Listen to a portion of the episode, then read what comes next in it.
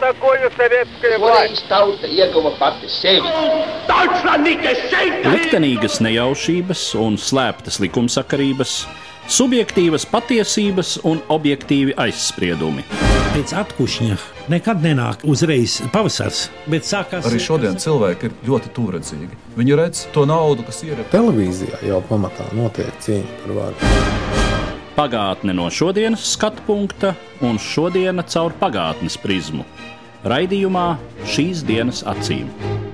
Katru svētdienu Latvijas radio eterā Eduards Liniņš. Labdien, cienījamie klausītāji! Latvijas tautas zaudējumi Otrajā pasaules karā ir viena no nozīmīgākajām Latvijas 20. gadsimta vēstures tēmām, kas joprojām ir no vēstures analīzes viedokļa nepietiekami apgūta. Pēdējā laikā tās apzināšanai pastiprināti pievērsies Latvijas okupācijas muzejs, šī gada pirmajā pusē sarīkojot konferenci ar šai virzienā strādājošo Latvijas vēsturnieku piedalīšanos. Konferences rezultātiem un tēmai kopumā veltīta mana šodienas saruna ar Latvijas okupācijas muzeja publiskās vēstures nodaļas vadītāju Gintu Apalu. Mūsu sarunu iesākām ar tēmas chronoloģisko robežu iezīmēšanu. Protams, jautājuma būtību veido vēstures periodizācija. Latvijā mēs parasti domājam un runājam tajos ietvaros, kurus mums uzlika neatkarības atjaunošanas posma politiskie dokumenti. Proti, mēs runājam par okupāciju.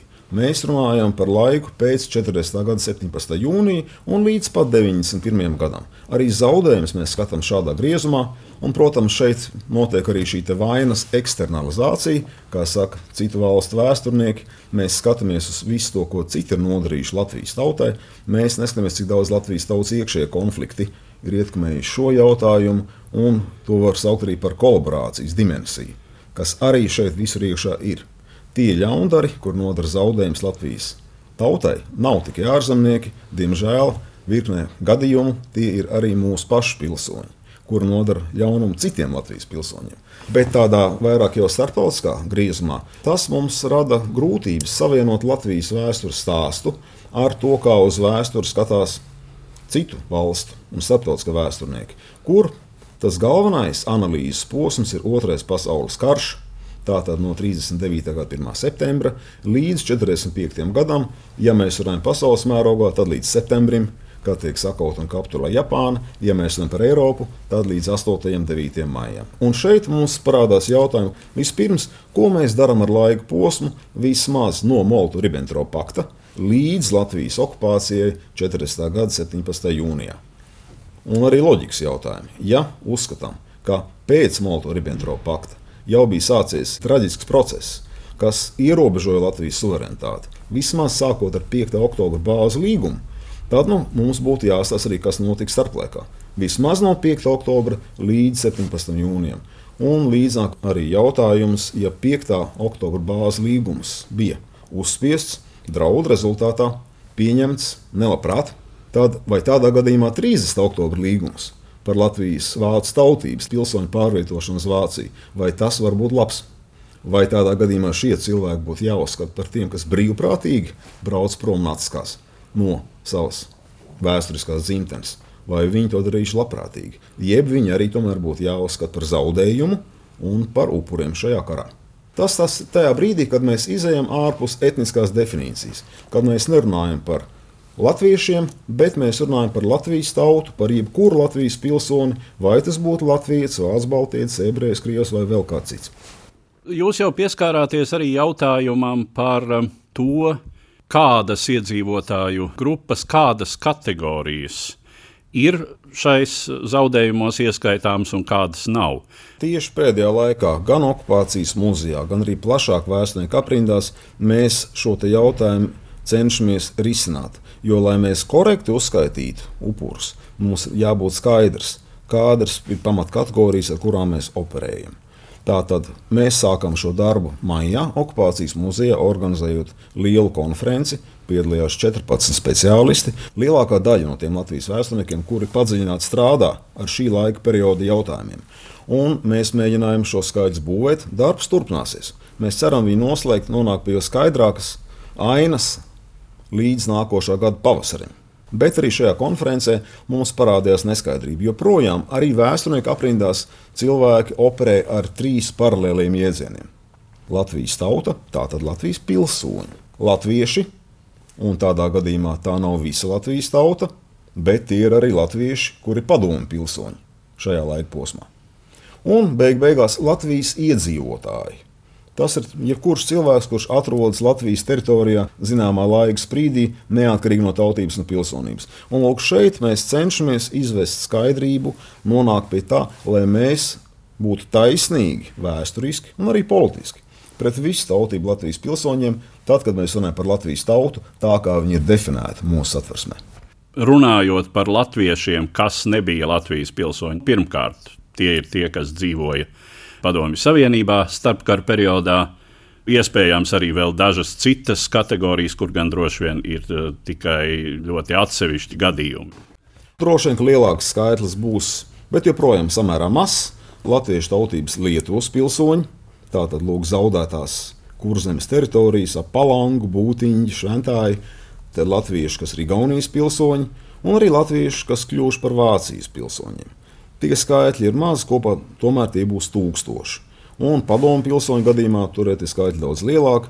Padomu Savienībā arī pēc Latvijas operācijas 30. gados joprojām dzīvo krietni vairāk nekā 100 tūkstoši latviešu tautības padomu pilsoņu, un, protams, ka viņi tūkstošos vēlāk ieplūst arī Latvijas divīzijā, sarkanās armijas sastāvā. Kāds ir šīs kategorijas status? Par statusu mēs varam spriest tikai izējot no juridiskās realitātes un arī, kā jau minēju, mūsu satversmes un mūsu pilsonības likuma. Bet varbūt tādā gadījumā mēs skaram šeit vairāk karavīru jautājumu. Ja mēs uzskaitīsim visa veida Latvijas pilsoņus un viņu piedalīšanos militārā dienestā, otrā pasaules kara notikumos, tādā gadījumā mēs nonākam pie tā, ka praktiski 110 tūkstoši vismaz Latvijas pilsoņu dienu Vācijas bruņotajos spēkos, ja mēs tam pieskaitīsim bijušos Latvijas pilsoņus. Vācu baltiešu. Tādā gadījumā tas skaits jau būs pie 120 tūkstoši, jau pār 120 tūkstoši, un tad vismaz 70 tūkstoši Latvijas pilsoņi, kas karo sarkanajā armijā. Tātad kopā mēs sakām vismaz 190 tūkstoši. Tā ir 10% no visas Latvijas tautas. Piedalās kā karavīri. Un tas galvenais mērķis šim analīzes procesam, lai mēs varētu iziet ārpus druskuļu ritualizētajiem un mitoloģizētajiem priekšstatiem, kas saka, ka tipiskākais ciešanu stāsts ir deportācija. Un aiz šī jēdziena mēs parasti pazaudējam to, ka tie ir divi ļoti atšķirīgi likteņi. Nonākt ieslodzījumā, soda nometnē, varbūt tikt sodītam ar nāvi, varbūt tur mirt no badu un slimībām, varbūt izdzīvot un otrs nonākt piespiedu nometnējumā, kas arī ir slikti un ļoti ļauni, bet tomēr tas ir mazliet vieglāk un izdzīvošanas iespējas daudz lielākas. Tā ir pirmā lieta. Nevajag jaukt šīs divas kategorijas. Kolēģi citās zemēs, piemēram, Lietuvā un Polijā, kad viņi šo jautājumu atspoguļo savu muzeja ekspozīcijās, ļoti skaidri nodala divus dažādus likteņus. Tā ir mūsu kopīgā kļūda, ja mēs zem vārda deportācija jaucam nāves sodu, ieslodzījumu un piespiedu nometinājumu. Bet, kad mēs skatāmies skaitļos, mēs nonākam pilnīgi citas ainas. Otrā pasaules kara zaudējumi. Mēs varam skatīties to divos veidos. Viens ir jautājums par to, cik cilvēki Latvijas pilsoņi zaudēja dzīvības.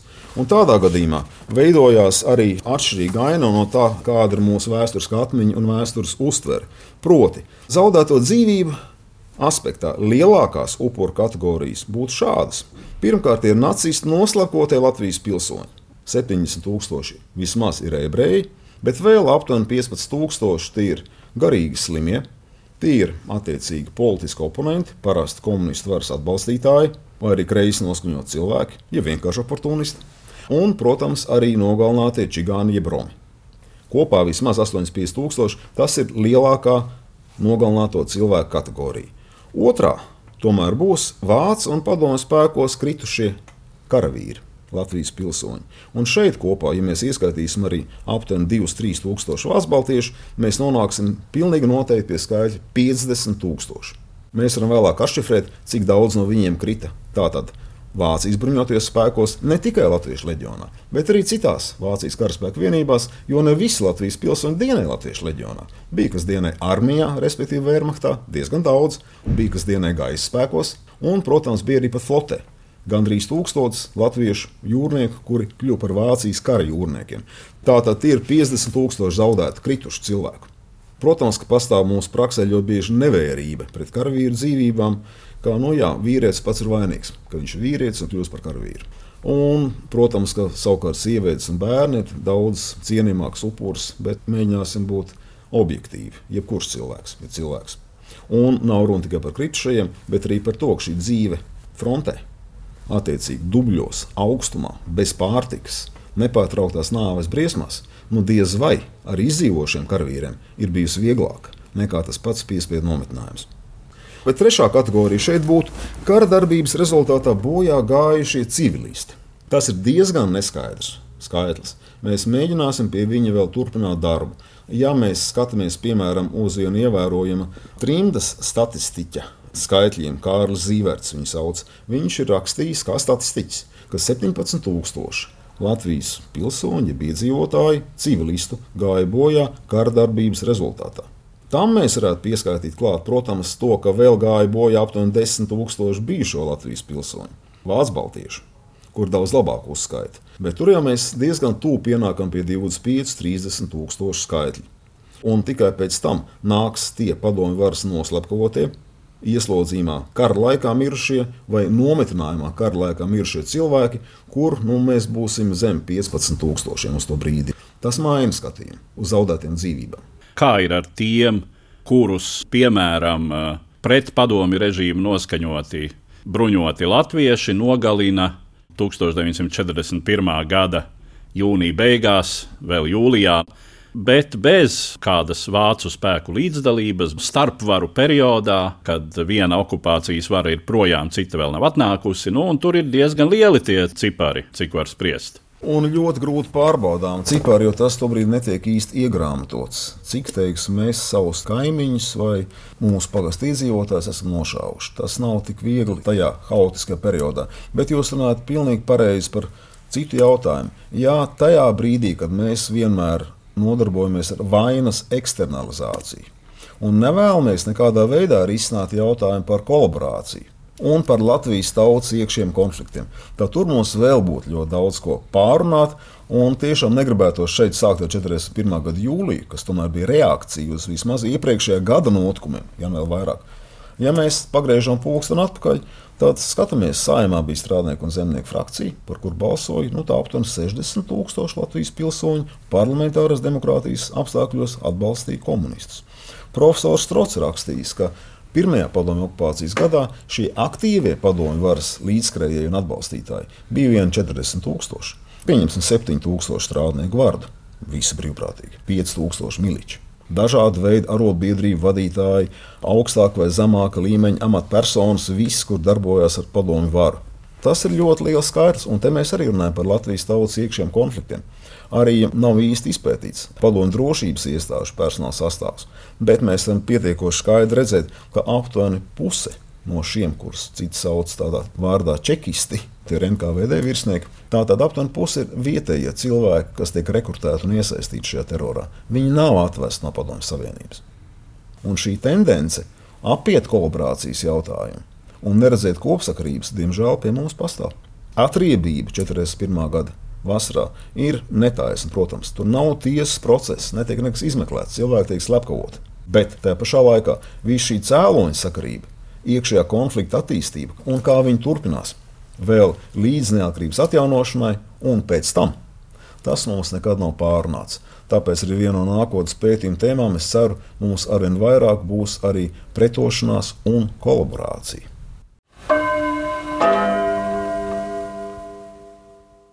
Mūsu šodienas saruna veltīta Latvijas tautas zaudējumiem Otrajā pasaules karā. Mans sarunbiedrs Latvijas okupācijas muzeja publiskās vēstures nodaļas vadītājs Gins Apals. Otra lieta ir, protams, tas jautājums, cik daudz cilvēku piespiedu kārtā zaudē dzimteni uz ilgu laiku. Protams, atvērts jautājums, kas ir ilgs laiks. Ja mēs skatītos tā, ka tas ir vismaz 5 vai 10 gadu laika periods, tad mums veidotos aptuveni šādi skaitļi. Pirmkārt, tātad rietumu valstīs nonākušie civilisti, Latvijas pilsoņi un karavīri, gūstekņi, kuri neatgriežas Latvijā. Tie būtu mums aptuveni 140 tūkstoši. Šeit vēl nepieskaitīja otru lietu - izdzīvojušie Latvijas vācu baltieši. Vismaz 40 tūkstoši pārdzīvo karu, paliek ārzemēs, neatgriežas Latvijā. Kurus tradicionāli mēs līdz šim neuzskatījām par saviem upuriem, un uh, tā populārā līmenī reizēm pat izskanēja, kā tas bija zināmā mērā ieguvums Latvijai, ka no šejienes tomēr tie gadsimtu apspiedēji šādā veidā aizbrauca projām. Jā, tās emocionālās attieksmes arī mums vajadzētu druskuļi revidēt, ja mēs vēlamies būt taisnīgi pret visiem cilvēkiem un līdzpilsoņiem. Jūs pareizi piezīmējat, tikko sarunā privāti ar vienu ļoti cienījamu profesoru, kas ilgi dzīvoja Strīmdā. Viņa arī piezīmēja, nu, bet tomēr labāk ir, ka to vāciešu šeit nav. Prasa, kāpēc? Tā, tāpēc, ka viņi bija augstprātīgi. Nu, es domāju, tā nav īsta motivācija, lai šādā veidā spriest par cilvēku likteņiem. Katram ir savu trūkumu. Pie tam pie šī jautājuma vācu baltieši mēs ļoti bieži pazaudējam aiz kadra nianses. Un nianses šeit ir tāds. Pirmkārt, 39. gadā, kad izceļoja vācu baltieši, Tad tikai 45,000 aptuveni bija tādi cilvēki, kas sevi uzskatīja par vācu baltiešiem. Viņiem līdzi aizbrauca 2000 latviešu pēc tautības jau 39. gadā, 1000 ebreji un vēl vismaz vairāk nekā pusotrs tūkstošs, to pie diviem tūkstošiem citu tautību Latvijas pilsoņu. Tā tad vācu baltieši viņi nav, bet viņi brauc līdz saviem tuvniekiem uz Vāciju. Un otrs jautājums, tikpat svarīgs, ir šī 41. gada pēc izceļošana. Kad no Latvijas aizbrauc gandrīz 11,000, tur ir 9,000 tie, kas uzskata par vācu baltiešiem, un tur ir tātad vēl vismaz 2000 latviešu tautības cilvēku, kur izmanto iespēju braukt līdzi un glābties tādā veidā. Pat ja mēs pieņemtu, ka šī atteikšanās no Latvijas pilsonības 39. gadā nebija piespiedu atteikšanās, ka šie cilvēki tiešām visi gribēja braukt prom un gribēja atteikties no savām saiknēm ar šo zemi, savu pagātni vispārējo, tad vienalga 41. gada izceļotāji no visiem viedokļiem varētu kvalificēties uz Latvijas pilsonības un sava īpašuma atgūšanu.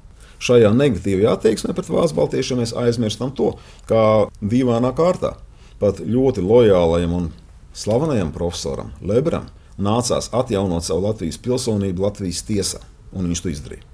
Tātad, kas vēl?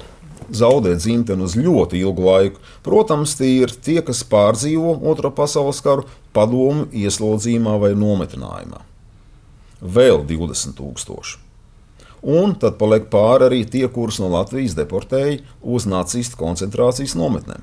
12,000 tiek aizvesti no Latvijas, un tur kara beigās ir ļoti augsta mirstība ja mēs zinām no pētījumiem, ka vispār Salaspils koncentrācijas nometnē mirstība bija aptuveni 10%. Tātad kara beigās Vācijā lūk, koncentrācijas nometnēs, nevis nāves nometnēs, nevis iznīcināšanas nometnēs, šī mirstība jau vidē bija 25%. Tā kā lūk, ir pieņēmums, ka no šiem cilvēkiem vairāk tūkstoši gāja bojā. Bet kopējais skaits tā ļoti aptuveni, pie kā mēs nonākam, ir tas, ka otrā pasaules kara laikā ļoti aptuveni iet bojā 200 tūkstoši Latvijas pilsoņu un vēl aptuveni 200 tūkstoši zaudē dzimteni uz ļoti ilgu laiku. Pārpaliek diskutabls jautājums. Kā mēs raugamies uz Abrenes apriņķa zaudēto teritoriju iedzīvotāju, kas arī ir no mūsu viedokļa Latvijas pilsoņi? Vai mēs uzskatām, ka viņi ir zaudēti? Ļoti grūti aprēķināt, jo principā jau pēckara posmā cilvēkam pārvietoties no Abrenes uz okupēto Latviju nebija principiāli problēma. Cilvēki, kur palika dzīvot pēc savas izvēles jau Krievijas teritorijā, no jā, tas noteikti ir ekonomisks zaudējums. Bet tas jautājums, vai viņi ir zaudējuši dzimteni, tas bija vairāk viņa personiskās izvēles jautājums. Atstāt savas mājas un braukt uz Latviju, ja palikt savās mājās jau Krievijas teritorijā. Tā ka šie 50,000 cilvēki ir diskutabls jautājums, par ko mēs varam nākotnē runāt. Kāds zaudējums tas ir? Ekonomisks, jeb jau tīri cilvēku resursu zaudējums. Runājot par tiem, kas dzīvo Krievijai pievienotajā Abrenes novadā. Ir jau zināms, ka diezgan liela daļa no viņiem centās pārcelties uz toreizējo Latvijas PSR.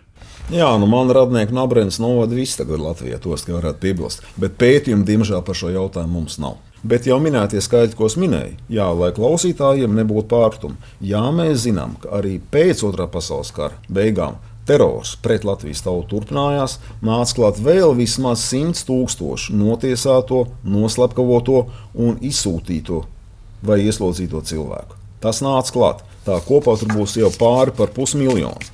Vēlreiz skatāmies uz cipriem un procentiem, un tad mēs varētu šādā veidā nonākt pie tā, jā, ka otrā pasaules kara zaudējumi Latvijas iedzīvotājiem no 1,95 miljoniem 400 tūkstoši. Tas veido mums praktiski drusciņi pāri par 20%.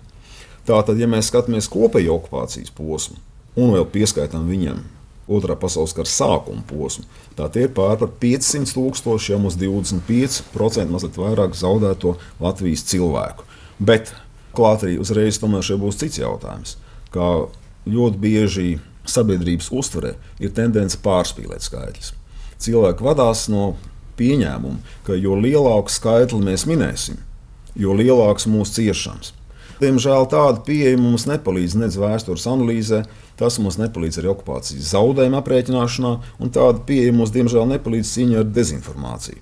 Jo, lai cīnītos efektīvi ar dezinformāciju, ir vajadzīga precizitāte. Pārspīlējumi dod pretēju efektu. Tie ļauj apšaubīt visu mūsu okupācijas stāstu un koncepciju un mūsu aprēķinus. Tāpēc arī mūsu muzejā ir ļoti svarīgi nonākt pie korektiem skaitļiem, kurus mēs spējam pamatot, un tas pats attiecās arī uz visu mūsu vēsturnieku kopienu. Manā uztverē ir pareizi novilkt diezgan striktu robežu šķirtni tomēr starp tiem, kuri zaudēja dzīvību, un tiem, kuri dzīvību tā vai citādi, bet tomēr saglabāja vai nu viņiem izdevās izdzīvot izsūtījumā, ieslodzījumā, izdzīvot un atgriezties Latvijā. Tāda daļa arī bija no Vācijas, kur viņi bija nonākuši kara fināla posmā. Tad uh, daži arī pret savu gribu, kuri bija attapušies tur padomju okupācijas zonā. Protams, trimdnieki, kas arī, protams, dzīvoja sevišķi to daļu pēc kara visai spiedīgos apstākļos, nu, un tad pamazām, pamazām kaut kā iekārtojās rietumos. Un, protams, tā daļa, kura neatkarīgi no tā, vai tiešas kara darbības vai totalitāro režīmu represiju, soda akciju rezultātā ir zaudējuši dzīvību. Ir vēl viena dimensija, kur varētu šeit ieskicēt. Un tas ir vēl viens defekts mūsu vēsturiskajai atmiņai, vēstures politikai un domāšanai par pagātni. Proti, tradicionāli mēs nekad nerunājam par Latvijas tautas, Latvijas pilsoņu ekonomiskiem zaudējumiem. Represijas nav tikai ieslodzījums, vai nāvesots, vai atšķirība no dzimtenes. Represija ir arī tas, ka lielākā daļa no padomju okupācijas un nacistu okupācijas cieši ekonomiski. Par ko mēs runājam? Vispirms par padomju varas nacionalizāciju, par to, ka cilvēki zaudē savu īpašumu. Viņi vairs nav savas zemes īpašnieki, lauka apvidos, viņi kļūst tikai par lietotājiem. Un arī šeit tiek pārdalīta zeme, teiksim, ja mēs vairāk par 30 hektāriem, tad Kirkensteina reformas rezultātā to, kas ir pāri, to paņem nost un piešķir kādam citam. Tur nāk klāt arī visu namu, lielo namu pilsētās nacionalizācija, bijušais īpašnieks, ir gadiem kļūst par sētnieku savā namā, lai varētu vispār tur dzīvot. Tas ir visu rūpniecības, tirzniecības uzņēmumu nacionalizācija. Tā ir praktiski arī visu daudz maz vērā ņemamo noguldījumu un vērtspapīra konfiskācija. Cilvēks zaudē savus iekrājumus vecumdienām.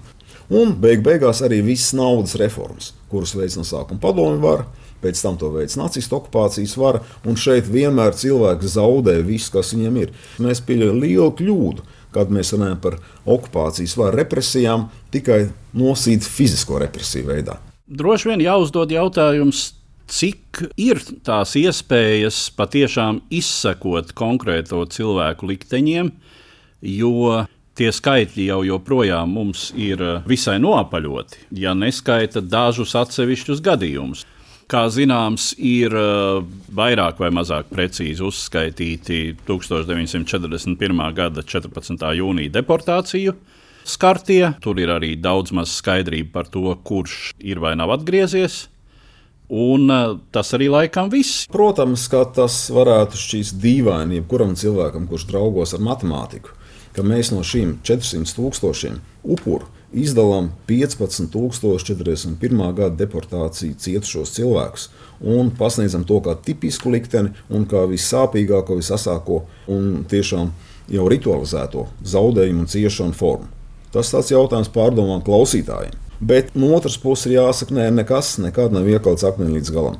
Ir zināms, piemēram, ka vēsturnieks Ainārs Bambals turpina pētījumus par deportāciju skaitu, un šobrīd viņam jau ir pāri par 16,000 cilvēku uzskaitīti. Darbs ir jāturpina visos šos virzienos, un kā jūs redzat, tas arī maina mūsu struktūrālo priekšstatu par to, kas ir jāskata. Ja mēs vienkārši paliekam pie ritualizētas formas un pie deportācijas jautājuma, tad viss pārējie cietēji mums nezinu, kāpēc pazūd no redzes loka. Tas ir vienkārši neobjektīvi, tas ir netaisnīgi. No otras puses, starp 20 un 25 procentiem zaudētu Latvijas pilsoņu šī kara rezultātā, tas ir savukārt tas, ar ko acīm redzot, vismaz populārā līmenī var operēt. Jā, bet vēlreiz paturot prātā to, ka jebkurš pētnieks, kurš mēģina šo skaidrs precizēt, nonāk nelielā konfliktā ar sabiedrības uztveri, tāpēc, ka jau sen iegājuši apritē diezgan daudz pārspīlējumu. Es, piemēram, minēšu to, kas mums ir literatūrā pieejams. Lūk, ja mēs skatītos 1999. gadā publicēto dokumentu krājumu okupācijas varu politiku Latvijā, tad tur mēs nonāksim pie citiem skaidriem. Šeit minēts šajā izdevumā, ka Latvija kopā ir zaudējusi gandrīz 700 tūkstošu pilsoņu, un no tiem attiecīgi uz Otrā pasaules kara periodu tā tad varētu attiecināt gandrīz 600 tūkstoši. Ļoti bieži veidojās nevis no apzināta pārspīlējuma, bet no nekritiskas attieksmes pret informāciju, kur publicēta dažādos izdevumos iepriekš. Un otrkārt, arī no dubultās uzskaitas. No tā, ka nereti viens un tas pats cilvēks nonāk vienlaicīgi vairākās upuru kategorijās un tiek uzskaitīts vairākas reizes. Nu, mēs tomēr cenšamies šeit būt druskuļi precīzāki, un mūsu skaitlis nav tik liels vairs kā 99. gada pētījumā. Ir arī citi skaitļi, piemēram, kas bija pausta konferencē Rīgā vēl 2013. gadā, kad tika izdot konferences materiāli. Tur lūk, autors Mežmalis pauda uzskatu, ka Latvijas kopējie zaudējumi šajā otrā pasaules kara periodā ir bijuši 670 tūkstoši. Vēlreiz uzsvēršu, mēs nonākam pie skaitļa aptuveni 400 tūkstoši un ar jautājumu zīmi 50 tūkstoši, kas varētu būt šie abrenes teritoriju iedzīvotāji, bet arī Kārlis Kangers pauda konferencē viedokli, ka ieskaitot šos abrēns iedzīvotājus, varētu runāt par 450 tūkstošiem zaudētu cilvēku 39 līdz 45 otrā pasaules kara laikā. Vēlreiz uzsverot, tie visi nav bojā gājušie vai režīmu apzināti iznīcinātie. Tie ir arī tie, kuri, kā jūs sakāt, zaudēja dzimteni, nu tā tad tika uz salīdzinoši ilgu laiku šķirti no Latvijas. Jā, un šis dzimtenes zaudēšanas process, ziniet, nebija tik patīkams. Cilvēki ļoti bieži devās pasaulē un bēgļu gaitās un piedzīvoja arī ļoti lielas grūtības. Gan šie izceļojušie vācu baltiķi, kuri pēc tam kara beigu posmā praktiski bēga un knapi izbēga, tie, kuri spēja to izdarīt ļoti smagi, gan arī latviešu trimdnieki cieta pietiekoši smagi dzīves apstākļu un ekonomiskā ziņā un tas reizēm ir samērojams ar to pašu dzīvi izsūtījumā, reizēm tas bijis vieglāk. Jebkurā gadījumā tas svarīgi. Pēdējais, varbūt akcents, tomēr ir, kas zaudē dzīvību, vēlreiz uzsvēršu. Aptuveni 200 tūkstoši Latvijas pilsoņi Otrā pasaules kara laikā zaudē savu dzīvību. Cik reāli jums šķiet iespēja izveidot visaptverošu datu bāzi, kurā mēs varētu vairāk vai mazāk esošo vispār iespējamo datu robežās konstatēt konkrēto cilvēku likteņus un tad no tā summāri veidot daudz precīzākus skaitļus par to, kādi tad ir bijuši upuri, kādi ir bijuši Latvijas tautas zaudējumi. Latvija tomēr ir unikāla valsts, vismaz mūsu reģiona kontekstā centrāla un austruma Eiropas postkomunistu sabiedrībās. Latvija, es diezgan droši varu teikt, ir vienīgā valsts, kurā nav pastāvīga valsts finansēta pētījuma centra, kas nodarbojas ar šo okupācijas vai komunistu un nacistu varas periodu pētniecību. Mums vienkārši viņa nav. Līdz ar to šajā stadijā runāt par lielas datubāzes veidošanu bez valsts intereses par tādu datubāzi, bez finansējuma šādiem pētījumiem, manuprāt, ir pāragri. Līdz ar to izskan mūsu šodienas saruna, kas bija veltīta Latvijas tautas zaudējumiem Otrajā pasaules karā. Mans sarunbiedrs, Latvijas okupācijas muzeja publiskās vēstures nodaļas vadītājs Gints Apals. Uz redzēšanos, cienījamie klausītāji! Katru svētdienu Latvijas radio viens par pagātni sarunājas Eduards Liniņš.